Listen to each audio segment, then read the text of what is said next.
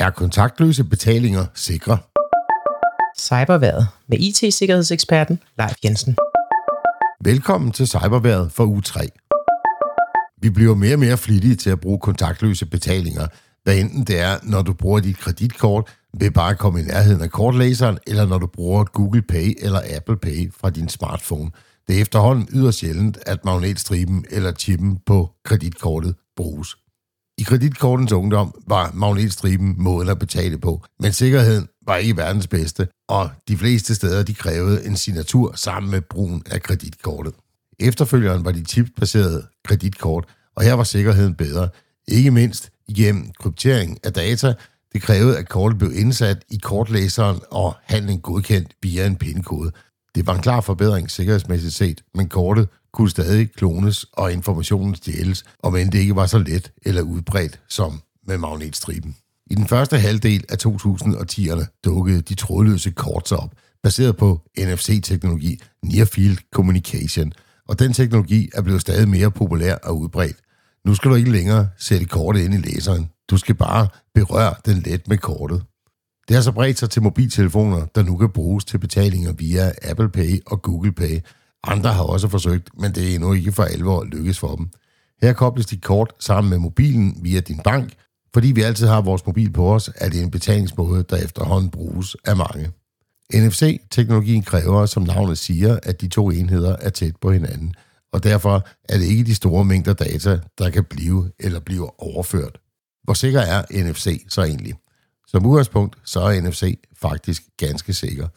Fordi den bruges til kontaktløse transaktioner, så bør den altså også være sikker. Den er også svær at bryde ind i. Du skal tæt på. Men det betyder ikke, at den ikke er følsom over for visse typer af cyberangreb. En brugt metode til at angribe trådløs kommunikation på er de såkaldte man-in-the-middle-angreb, men den fungerer ikke for alvor på NFC. Teoretisk set er det en mulighed, men fordi hackeren skal meget tæt på kortet eller mobilen, så er det ikke et praktisk angreb, og det kræver også helt specielt udstyr. Betalingsterminaler kan i princippet kompromitteres og dermed skimme, altså aflæse øh, kortet og den trafik, der sker, når man bruger kortet. Men kommunikationen ved NFC er både krypteret og udstyret med tokens, hvilket gør, hvilket gør det næsten umuligt at kopiere kortet. Men intet er sikkert, og vi har for nylig set, hvordan visse biler er blevet stjålet ved at udnytte de trådløse nøgler, der i høj grad minder om måden, hvorpå NFC-teknologien virker. Systemfejl og sikkerhedshuller vil altid eksistere, og brugerfejl kan vi aldrig sige os helt fri for. Samtidig er NFC bygget på, at det skal være let at bruge, så hvis du taber dit kreditkort, så er det for andre også let at bruge det, lige indtil du får spærret det altså.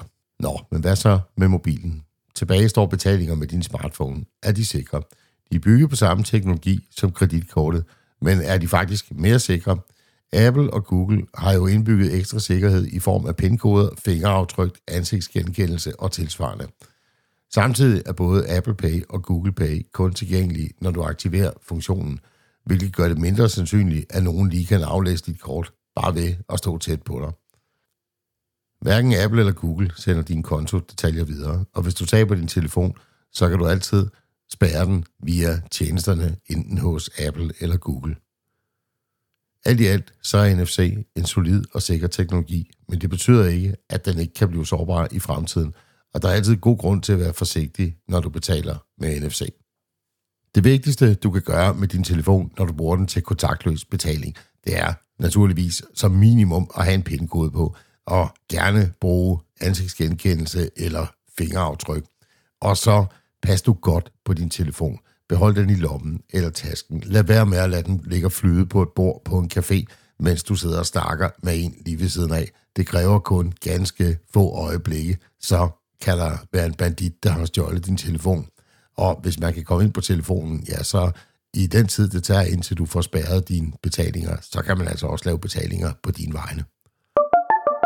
Det var alt, hvad jeg havde på cyberværet i den her uge. Vi høres ved igen i næste uge.